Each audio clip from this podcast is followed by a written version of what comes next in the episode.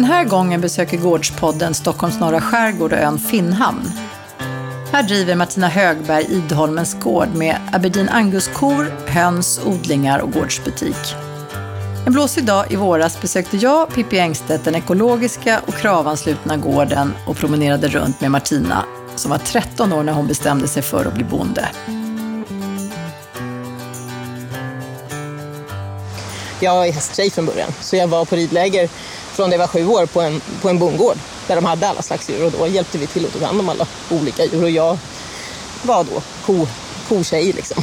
Så och dina föräldrar, de höll inte på med gård? Nej, absolut inte. Nej. Nej, de trodde nog att jag skulle bli advokat eller läkare eller något. Men, men jag är gammal punkare så det är nog tack vare Ebba Grön tror jag som jag, som jag är bonde idag. Är du säker? Ja, ja, absolut. Det tror jag. Sådär, vad ska du bli? Mm. Det är en bra låt. Men och vad hände sen då? Då var du? Eh, ja, nej, men sen, alltså jag bestämde mig då, men sen så pluggade jag lite annat. Det krävs ju lite kapital också när man inte har någon gård i bakfickan. Så jag började plugga lantbruk när jag var 26. Eh, och jag hade bestämt sen att jag skulle ha en gård innan jag fyllde 30. Eh, och jag insåg ju att jag inte skulle kunna köpa någon jätte, jättestor gård om jag inte flyttade jättelångt bort från Stockholm. Eh, jag ville odla ekologiskt. Och... Ville du det redan? Eller nu ska ja. inte jag säga hur gammal du är. Nej, men för, det var ju ganska, nej, men för mig känns det ganska ja. logiskt. Och jag tycker liksom om, grundtanken är väl att jag tycker att ska vi äta kött ska djuren ha haft det bra. Punkt slut. Liksom. Och eh, då ligger det ekologiska nära till hands. För de reglerna för djurhållningen är mycket tuffare där. Så, så det är liksom, ska vi äta kött ska djuren ha haft det bra. Det är utgångspunkten. Liksom. Men sen så insåg jag ganska snabbt att jag skulle inte kunna ha 200 kor. För att jag har inte råd att köpa så stor gård. Eller jag hade inte råd då heller, kan man väl säga. Nej. Eh, och jag har också en bakgrund som delvis som kallskänka. Så mat ligger liksom mig nära om hjärtat. Så. Och då, eh, grönsaksodling är ganska mycket jobb på väldigt liten yta. Så det är liksom hög koncentration på liten yta. Det gör ju att man kan man, måste in, man kan odla liksom saker som ändå genererar pengar utan att ha jättemycket mark. Liksom. Då, så då tänkte jag att då måste det få bli ett komplement till djuren. Och eh, då läste jag också, det finns en utbildning i Sverige som är inriktad bara på grönsaksodling. Man slipper golfbaneskötseln och det där. Vad, och det, vad fanns det, den då? Det, det är nere på Kapellagården på Öland. Mm. Är den är väl åtta månader, åtta, nio månader lång. Så då gick jag den också. Och sen så började vi leta gård. Men det var ju svårt redan då. Det är svårt idag med. Men det var svårt redan då. Så att vi letade i något år. Och jag... Eh, Ville du i något speciellt område då i alla fall? Nej, men i närheten av Stockholm eftersom ja. jag insåg, eller det är ju här någonstans kundkretsen, eller i varje fall då fanns kundkretsen här. För då var det inte lika utbrett med ekologiskt som det är idag. Hunden är med. Han är med. Han har ja. Så att därför så letade vi överallt. Och, och hur länge sedan är det då? Eh, ja, det var ju då 90 97, 98 var jag väl färdig ja. utbildad. Eller med det på den nivån jag tyckte räckte i varje fall. Eh, så då, men samtidigt som vi då letade gård så, så sökte jag eh, praktikplats bara någonstans i närheten av, av Stockholm. Och jag har hållit till ute i skärgården sedan jag var tre år. Alltså det är hemmaplan. Ju längre ut desto vackrare är det. Så då sökte jag praktikplats i skärgården och hamnade på Södra Stavsudda. Söderholms gård som då drevs av Roy och Yvonne Niklasson. Väldigt liten gård men de hade lite kor som hade på en annan ö och sen så hade de framförallt grönsaksodling, gårdsbutik, kiosk där de sålde hemma och sådär. Så då fick jag en kombinerad arbetspraktik och, och jobb där under sommaren. Då, då. Mm. Och du kände hela tiden att det här var helt, det var det du ville syssla med? Det var rätt? Ja, det kände jag nog redan på jordbruksutbildningen. Så, okay, ja. så blev jag väldigt övertygad om det. Ja. Och krav och ekologiskt hade de och det Ja, men det, som sagt, det var jag inne på redan. Jag ser ingen, för mig ser jag ingen orsak till att jag inte ska. Sen hade Nej. jag en, en otroligt inspirerande lärare eh, i, på jordbruksskolan. Jag gick på Kvinnskolan i Örebro, som heter Fredrik Ahlgren. Eh, som var nog en av de första som la om till ekologisk odling i större skala. Jag tror att det var 1986 redan. Han har dikoproduktion då framför allt. Eh, och han eh, han är en väldigt speciell man och väldigt duktig, tycker jag. Men hur inspirerade han dig då? Att du... Nej, men du vet, man har alla, det är ingen som har några fördomar. Den enda fördom man har är att man inte har några, säger Ron Eriksson. han var en sån, kom från den övre, övre samhällsklassen Och det är inte kanske alltid det man tänker sig. Det är många som föreställer sig en ekobonde, då måste man vara sån här jävla men du vet, näbbstöveltomte från 70-talet. Jag brukar säga jag är född på 70-talet, det här är mitt jobb. Liksom. Det är inte, det är inte, alla säger att det är livsstil, men det är det inte. Det är mitt jobb, liksom, mm. tycker jag. Sådär. Men han var väldigt... Jag gillar folk som, som bryter fördomar. Mm, så. På, både, på både det ena och andra sättet. Alla kan göra det kan man göra på många olika mm, sätt. Liksom. Det tilltalar mig överhuvudtaget. Berätta, nu ser vi lite vatten här. Just det. Nu, ja, och så. Det... Och så blåser det väldigt mycket. så det ska bli kuling ju. Du, ja. och, men berätta, här, det, här har du en åker också. Ja, eh, tyvärr alldeles för sent sådd i år. Men här är, det är vallodling. Det är det enda jag odlar på åkrarna runt omkring på ön. Och det är ju inte... Det är bara hälften av åkermarken här på Finnhamn som är min mark som jag mm. arrenderar. Jag äger ju inte den här gården. Hur hamnade du här? Det var, ja, vad hände precis. efter praktiken och det? Alltså det, fanns ett, du... det fanns ett EU-projekt i skärgården då som startade upp som hette Trädgårdsbruk i skärgården. Det finns nämligen ingen större tradition att hand, av handla i skärgården, alltså att man säljer och köper här. Utan folk de rodde ju in till Vaxholm i Stockholm med sin strömming, seglade in och rodde in. Alltså du vet själv, du har åkt Vaxholmsbåt hit, du, du vet hur långt det är. Mm, en bit. Det tar I början av förra seglet så gick det en båt med folk och en hel båt med jordgubbar. För skärgårdens välstånd byggde på jordgubbsodling. Det är uppbyggt på jordgubbsodling till stor del. Liksom.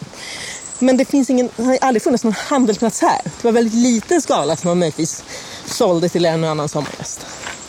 Så då försökte man, och det här var 98, då försökte man bygga upp ett nätverk mellan sådana som producerar någonting här ute och handlare och krögare. Och eh, vi producerade ganska mycket grönsaker på den gården jag jobbade då. Och det var jag som tog hand om alla beställningar och vi sålde nästan allt till Finland. Eh, och sen så under vintern där så åkte jag på diverse möten för gårdens räkning. Inte för att jag jobbade kvar där då, men de hade svårt att ta sig.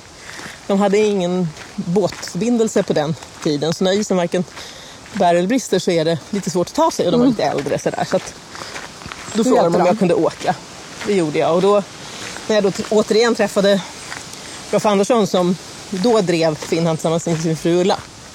Vandrarhemmet och stugorna och allt det här? Ja, allt eller? annat. Liksom, krogen, ja. Gästhamnen och allt annat affären. Då frågade han om inte jag hade lust att flytta hit. Och till saken hör att då var jag ju 29 år. Jag hade bara ett år på mig. Mina ja, två, mina två det, första ja. kor stod och väntade hos sin uppfödare liksom, på att jag skulle hämta dem. Eh, och jag hade ingen gård än. Men det satt kvar i ditt huvud överallt, att du skulle ha en gård när du var 30? Nej, nej alltså jag kommer inte ihåg när det, det bestämde jag väl någonstans när jag var 20. Men jag tror ja. överhuvudtaget det är väl bra att sätta upp mm. eh, mål för sig själv. Liksom. Eh, särskilt om man uttalar dem offentligt så det, får man lite större press på att uppfylla dem. Liksom. Men, alltså lantbruk är ju väldigt långsiktigt i sig så att det, man ska inte det fanns ju ingen idé, det var väl ingen poäng med att säga att det ska ta tio år. Alltså rent ärligt, det hade väl varit lite för lång tid. Mm, mm. liksom. Eller då ska man ju då hade man kanske utbildat sig på lantmästarnivå eller agronom eller något och kan jobba med något helt annat. Liksom. Men jag vill ju jobba nära djuren. Så, så att, eh, eller jobba på i verkligen primärproduktionen så att säga. Men då sa du ja? Eh, ja, vi åkte ut och tittade. Och, och, alltså, vi hade nog tittat på ett 50-tal gårdar. Liksom det var svårt då också. Det är svårt att få ekonomi i det. Liksom. Sen är ju Finnhamn väldigt nära till den yttre delen av skärgården som ligger mig varmast om hjärtat så det var ju lite svårt att säga nej. Hade, det varit, hade någon frågat kanske om Grinda så är det inte alls säkert att jag hade varit lika sugen. Så. Ehm, och sen arrenderade då Skärgårdsstiftelsen som i samma veva tog över Finnhamn. De tog över här 1998. Gården hade ju då inte varit i bruk på 50 år. Oj. Man säger. Alltså, ja. det, någon har haft lite får, någon har haft en häst. Visst har man slagit och tagit lite hö, men det är ju ingen som har ägnat sig åt det här på heltid. Liksom. Så det var att börja att, om liksom, lite? Till stor del i varje fall ja. var det ju det. Det var ostampat jordgolv i lagon och sådär. Och det var ju början till ganska stor del för Skärgårdsstiftelsen också. Eh, och fördelen med dem är att de står ju för alla ekonomiska, alltså alla ekonomibyggnader så att säga. Vad är det du går och trampar på här och var? sniglar. Ja, det, det, är, det, är det. Nej. Nej, det, det är väldigt svårt att bli. Ja. Det går liksom inte. Så, Nej, så att, ja. Därför så om man ska bygga om en hel ladugård själv och göra allt det där yttre själv, då blir det lite för dyrt. Liksom. Särskilt när man inte äger det själv och inte har något. Nej, för du arrenderar. Ja, då. precis. Ja. Men eftersom stiftelsen står för det så känns det som en, ändå en hyfsat okej okay deal. Liksom. Mm.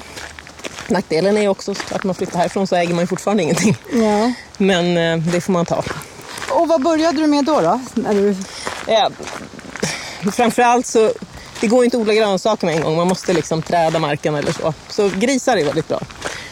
De bökar ju i marken. De äter ju framförallt rötter och framförallt saftiga rötter. Och de jobbigaste ogräsen, de saftigaste rötterna kan man säga. Så att grisar är extremt bra. Var första du skaffade? Ja, vi hade fyra grisar första året. De hette Roundup 1, 2, 3 och 4. Och Roundup, för den som inte vet, det är ett... Det är världens mest kända ogräsbekämpningsmedel. Och sådana medel som inte är tillåtna då i ekologisk produktion. Då är det ekologisk, ja. ekologiska grisar? Ja, absolut. Ja. Nej. Alltså de äger vi, har grisar fortfarande varje sommar. Men de äger vi privat faktiskt. Mm. För det är vår egen julskinka. Jag ser mm. ingen orsak till att hänga dem i firman så att säga. Nu ska vi se om det blåser lite mycket här faktiskt. Mm. Kommer vi gå... Vi, ja, vi kan gå ditåt för det är mer läder. Ja, det gör det för det här känns som att... Eh, Men jag har fortfarande ja, grisar. Dina egna grisar. Ja, precis. Ja. Det är mina egna grisar. Och jag har fortfarande, fast nu bara två varje år. Eh, när man odlar saker och ting så har man ju en växtföljd, alltså en viss ordning man odlar saker och ting i. Man byter växtplats på grönsakerna varje år. Annars får man uppförökning av sjukdomar och så i jorden. Och eh, varje år så, alltså grisarna ingår i växtföljden, så den bit där jag har som mest ogräsproblem, där har jag grisar varje år. Så de gör fortfarande väldigt stor nytta, eller varje år gör de det. Så att eh, jag ska väl susa iväg och köpa dem snart, tror jag. Ja, du köper dem så här års ungefär? Ja, precis. Ja, och sen tar du dem till jul, eller? Nej, nej. Vi, nej vi slaktar tidigare. Vi slaktar någon gång i september, oktober, november. Ja. Ja, oktober är väl den traditionella slaktmånaden. Det är väl ganska ofta som det blir då. Här närmar vi oss hönsen. Hur många har du nu då? Eh, uh, nästan 70 är det väl. Här är 50 stycken ungefär. Okay. Och, eh, Vad är det för sort? Bovans heter de här. Och det är faktiskt första gången som jag har vita höns. Mina andra är bruna, mina gamla tanter. Varför vill du ha vita nu då? Nej, det bara blev så. Jag tog faktiskt över dem från en kollega som, som har slutat på Ljusterö och hade dem till salu. De var bara ett år. Och jag Alltså i konventionell hönshushållning och kanske större ekoproducenter också, där har man ju hönsen inte ens ett år. Men jag brukar ha dem två, tre år. För att? Jag tycker det är onödigt att slakta dem. Jag har inte lika mycket tryck på vintern. Traditionellt sett så säljer man sensnägg på sommaren. För mig är det tvärtom. Liksom. Och de går här, de åker husvagn som du ser. Ja, vad är det de för idé? De bor i husvagn? Det är ju så att själva grundtanken med den ekologiska djurproduktionen är att djuren ska kunna utöva sina naturliga beteenden i så stor utsträckning som möjligt. Grisar ska kunna böka, kossor ska beta. Och du tittar på hönsen här. De går och söker foder hela tiden. De krafsar i marken. Där är några som ligger och vilar under hönshusvagnen. Du ser gropar, det är där de sandbadar. De gräver upp egna gropar och sandbadar. Men de är ju väldigt, väldigt aktiva djur. Som du ser, de går och söker mat hela tiden. När det är soligt hade de kanske legat under hönshusvagnen i skuggan. Men de är otroligt envetna i sitt fodersök de också och, och letar mat större delen av dygnet faktiskt. Och då ska de ha möjlighet att göra det. Så kravhöns, det är de enda som, där det finns ett krav på att de ska ha tillgång till grönt bete hela den gröna perioden. Alltså utegångshöns, de, de kan gå i en sån där liten rastgård som mina går i på vintern. Där finns det ingen mat att leta. Det är nästan bara frustrerande för dem kan jag tycka. Mm. Utan de måste ha bete, det är det som är skillnad på krav och andra okay, utegångshöns. Ja. Men när det står frigående höns, mm. då är det, pratar vi oftast alltså 15 hönor per kvadratmeter inomhus, inte utomhus. Och står det utomhus, då går de inte som de här. Du ser här, det är de buskar och det är träd. Ja. Och sen flyttar de ju så fort gräset är slutat. Så flyttar de till någon annan ställe där det finns. För de måste ha bete. Liksom. Det är krav. Alltså det är krav, ja. ja. Och då, det, krav har de tuffaste, ekolog, eller tuffaste reglerna. Även mm. de som, det finns ju olika sorters ekologiska märkning också. Vi har ju e-ekologiskt, det finns det dynamiska, det finns krav. Krav är tuffast? Ja, det är, det är de faktiskt. Och, de väljer du att jobba Ja, det är därför jag, jag har dem. Och, mm det kostar en del. Alltså, jag betalar ju krav pengar för att de ska kolla att jag sköter mig enligt deras regler. Det är bara för att konsumenten ska kunna veta. Var helt säker. Mm. Ja, precis. Mm. På vilket sätt det här är producerat. Så krav är ju det är en produktionskvalitet. Eftersom har till exempel Angus, det är en ätkvalitet. Mm, förstår du? Det är, alltså det, är, det, är in, ja, det är två helt mm. skilda saker. Och jag vill liksom att båda ska vara på topp såklart. Men mm. man, man, ska skilja på det här. Det är inte något som finns inga garantier för att det är gott bara för att det är krav eller för att det är gott bara för att det är producerat i skärgården till exempel. Utan det är, ju, det är mm. två olika saker liksom, och det där tycker jag är viktigt. Och vad, hur kommer husvagnen in i det hela? Alltså att det är flyttbart. För att en sån här hage äter de upp på två, tre veckor. Okay. Så att jag måste kunna flytta dem. Och flytta ladugården är väldigt jobbigt. Ja, förstår det. Så. Och så trivs du och har de med sig sin Ja, absolut. Ja, Nej, men det, det är nästan det enda. Har du haft den hela tiden? Eller när kom du på det? Eh, nej, det är, alltså, det är väldigt vanligt inom ekologisk mm, mm, att man har någon typ av flyttbara. Mm. En del har liksom traktorflyttade hönshus med en fast hönsgård så de flyttar ett par meter flera gånger i veckan till exempel. Mm. Men för mig är det här lättare att flytta dem med. Den är byggd hönshusvagn till fyrhjuling. Jag har en till hönshusvagn under byggnation där borta till mina andra. Men man, den blåste sönder för ett par år sedan. Och så nu när jag behöver två så fick de andra bo i sommarstuga så länge. För jag har en liten sommarstuga också. Och de är bara, mina gamla hönor, de är bara 17 stycken. Så Hur gamla är de då? De är tre år, så det är deras tredje sommar. Eller de är väl två och ett halvt år då. Det är du, är tuppen där måste vi bara kolla också. Ja, det är en Hedemora-tupp. Han kommer från Grinda. Han heter Gandalf. Nu gick han in där i Han gömde sig? buskarna. Ja, precis. Han, är det en tupp på alla de här? Eller? Ja. ja. Tuppen har ju mest som funktion att hålla lite ordning på tanterna. Jag behöver ingen tjur bland bland korna. Men bland hönsen så de blir lugnare med tupp tycker jag. Men sen framförallt varna för rovdjur. Det, är det han gör, han ja. håller koll. Liksom. Ja, en bra tupp gör det. Och han, hur är det med Gandalf? Ja, jag vet inte. Han har inte varit här så länge. De har bara varit här på veckor så vi får väl se om han sköter sig. Men förhoppningsvis. Han är stilig. Jättesnygg. Ja, han är jättesnygg. Nu klev vi in och här var det varmt. Ja, ja sådär. Det är ja, ganska men, men, optimal man... temperatur. Det är nog Ja, 20 grader är perfekt. Det är perfekt. Ja, men om man eh, jämför med när det blåser ute. Nej, men jag har ju två, två små, relativt små växthus. Alltså, det är på 100 kvadrat vi tittar på med tomaterna och det här är på 40. Men det här är mitt bebisväxthus också brukar jag kalla det. För här drar jag igång odlingen slutet på mars, början på april. Så, Vad odlar du? Ja, då drar jag upp alla småplantor här. Eh, det är tomater, persilja, purjolök är väl det första som man drar upp och det ska ju ut sen, planteras annorstädes liksom. Men då har jag som ett tält inuti och extra lampor och extra värme på nätterna och sådär. Och sen så här har vi chili, gurkor, all sallad, all kål, mycket broccoli odlar jag som jag drar upp och planterar ut sen. Sen finns det en hel del plantor som man, liksom, eller en del grönsaker man sår direkt på friland också då. Mm, mm. Eh, squash drar vi också upp här inne. Vi? Klart. Hur många är ni som? Nej, ja. det är bara jag, jag och mina löss. Eh, egentligen. Jo, Skärgårdsstiftelsen anställer sommarjobbare. I år kommer jag ha till tre stycken faktiskt mm. som, som jag är handledare för. Då, som jobbar på Finnhamn. Så det är klart att de mm. blir till en del hjälp. En del, men ja. skulle du vilja ha nej, de jobbar, Ja, absolut, men det är, min ekonomi tillåter inte det. Nej, nej. Det men det här i alla fall. Inte. Vad har du med, vad är det här? Det här, det här är gurka. gurka, okay. ja, ja. Hur väljer du vad du odlar då? Eh, Framförallt så försöker jag odla sånt som blir färdigt under sommaren. Vi har ju mest besökare under sommaren.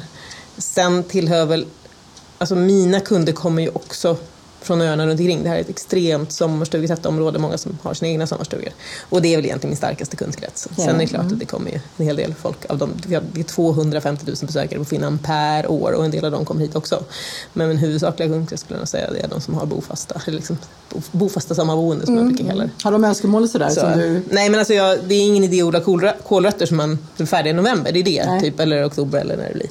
Ehm, så det är framförallt sånt som blir färdigt tidigt. Mm. Så. Chili. Sen är det så tomat, gurka. Chili är nog mest min sambo, den tar lite för lång tid egentligen men han gillar chili så då får man offra sig lite. Han hjälper mig med ett annat ibland också. När det behövs svetsas till exempel för han är en duktig svetsare. Det kan jag inte själv. Annars gör jag allt annat men inte svetsa. Men gud, alltså du kan, måste ju kunna ganska mycket om allt. Ja, fast det är, ganska, ja. det är så bra ergonomiskt också om man sysslar med många olika saker. Mm, det är bra för kroppen. Mm, Även om man mm. sliter på sin kropp när man jobbar med den så, så alltså jag behöver inte gå på gym. Jag skiter i det. Knappast. jag hoppar över den biten. Hade det var fler kossor som vi såg här borta? Ja, ja, och sen så innan dess har vi ju grön, en del av grönsaksodlingen. Ja, visa dig såklart. Här har vi lite bärbuskar i liten skala som jag odlar i och för sig rabarber där borta i ganska stor skala. Vad gör och säljer iväg? Kok, alltså, nej, jag, nej? nej, jag kokar marmelad och säljer okay. i butiken. Ja, det är det du gör. Eh, ja. Och här är vinbär, lite krusbär, lite hallon. Så. Och det är framför allt att förädla och sälja. Men liksom... Det kan vi titta på i butiken. Ja, det gör vi. Det gör vi. Men jag tänker, i sommarsäsongen måste, alltså, då jobbar du dygnet runt, eller? Nej, jag försöker låta bli. Jag har ju två barn också. Ja. De har faktiskt sommarlov. Men, mm. men, eh, men jag tänker med att ta hand om... Men, så inte dygnet runt. Men Nej. däremot, så det är ju absolut mest. Och det gör ju nästan alla som bor i skärgården och jobbar i skärgården. Mm. De jobbar mest på sommaren. Mm. Så är det. Det är ganska mycket jobb på vintern också, men det är absolut mest på sommaren. Ta hand om Nej, så här är det vitlök som du ser. Mm. Hög ut i år faktiskt. Det har varit en fantastisk försommar rabarben är Tyvärr ser man inte mycket ogräs men det är för att vi skördade en 66 liter häromdagen. Oj! Ja. Eller var väl en halv vecka sedan kanske. Det blir ganska många burkar marmelad. Som du står och kokar? Ja, ja. Alltså det är, ju mer man förädlar desto bättre kilopris får man ju. Liksom. Mm. Och så är det lök med full med ogräs. Det är väl nästa projekt. Och så är det potatis där borta. Sen på andra sidan har jag ett vilt stängsel runt. Och där under duken där så är det kål Och bakom det är det bönor och ärtor. Sen har vi squash, dill, lite morötter bara. Det är egentligen nästan bara för eget behov för de tar ganska lång tid att driva upp. Och de, ja, det, det, de är lite jobbiga tycker jag. Mm. Mycket, mycket rensa, mycket gallra och, och de hinner inte riktigt bli färdiga. Så det första har jag dragit första året som jag dragit ner och odlar nästa bara till oss, till oss själva. Då. Men dill och persilja, väldigt mycket rö, rödbetor och mycket sallad. Eh, gårdsbutiken, när öppnade du den? Den har du haft från början? Eller? Eh, första sommaren 2000 sålde jag faktiskt utomhus men sen så, eh, den var ganska regnig. Så, så det blev ju bättre att öppna gårdsbutik i den här lilla gäststugan som det var från början. Då. De är från 50-talet de två gäststugorna som jag har. Den andra går fortfarande att bo i. Oftast de jobbar och bor där eller släkt och vänner som jag hälsar på. Eh, men här, en del av den här är som en liten, liten gårdsbutik. Då, då. Själva idén med gårdsbutiken är att det ska vara färska saker. Folk ska liksom kunna se att det växer där och sen kunna äta jättefärska saker. Så jag bara öppet två timmar om dagen på sommaren. Mellan tre och fem när folk har badat klart innan de ska laga mat. Så att säga.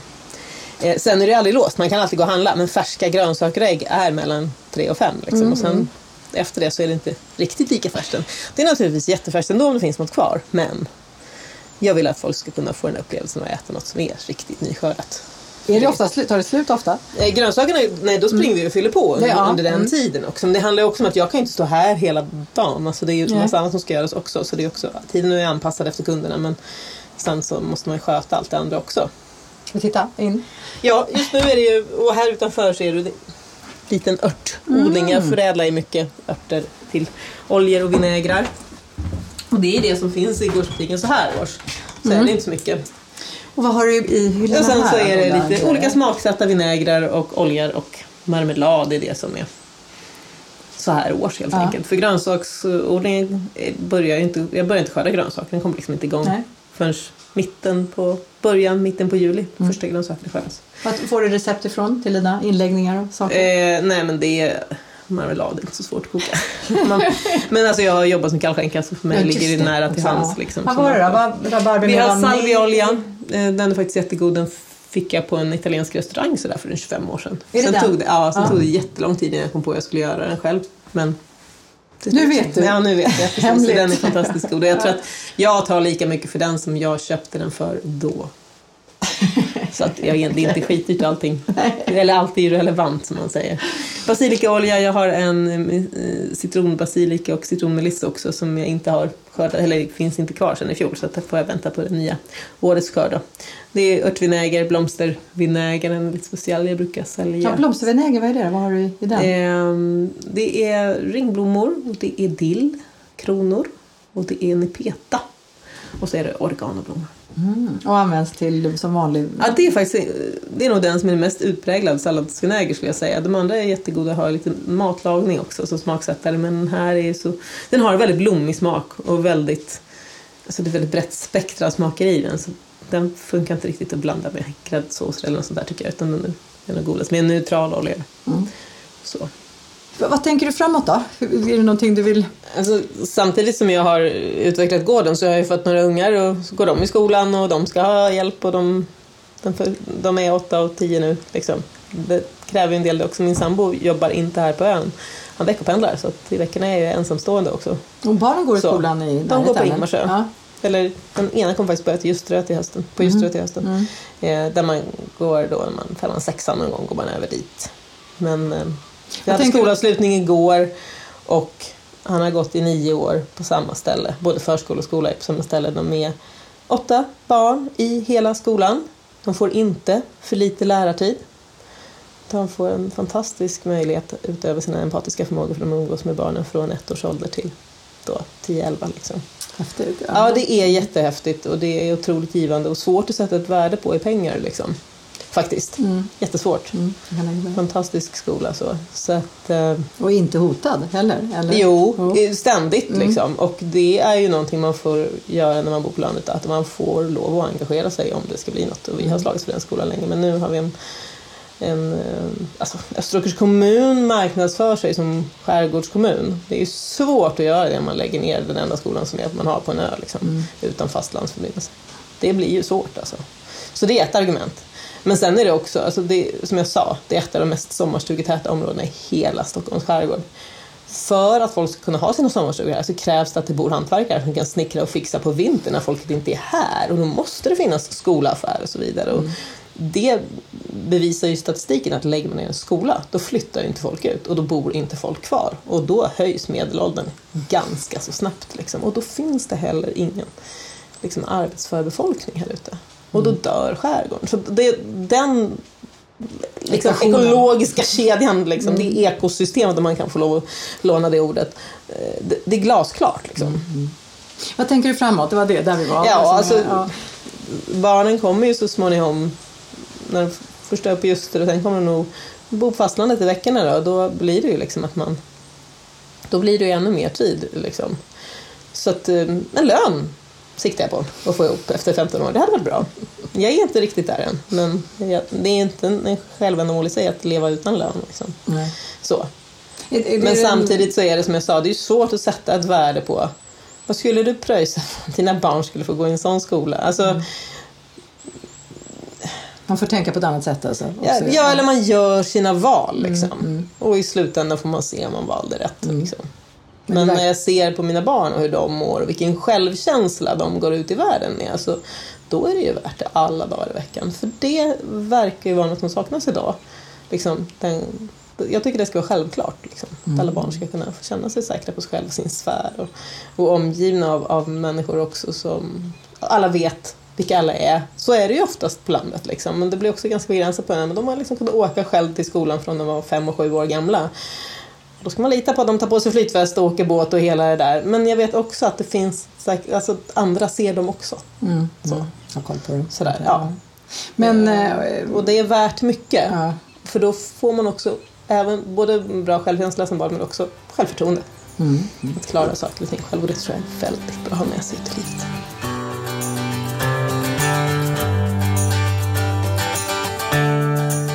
Och det sa Martina Högberg som har Idholmens gård med gårdsbutik på ön Finnhamn i Stockholms skärgård. Fler gårdspoddar med mig, Pippi Engstedt, går att lyssna på i vår gårdsbutiksapp, via iTunes och på vår hemsida odda.se. På återhörande snart igen.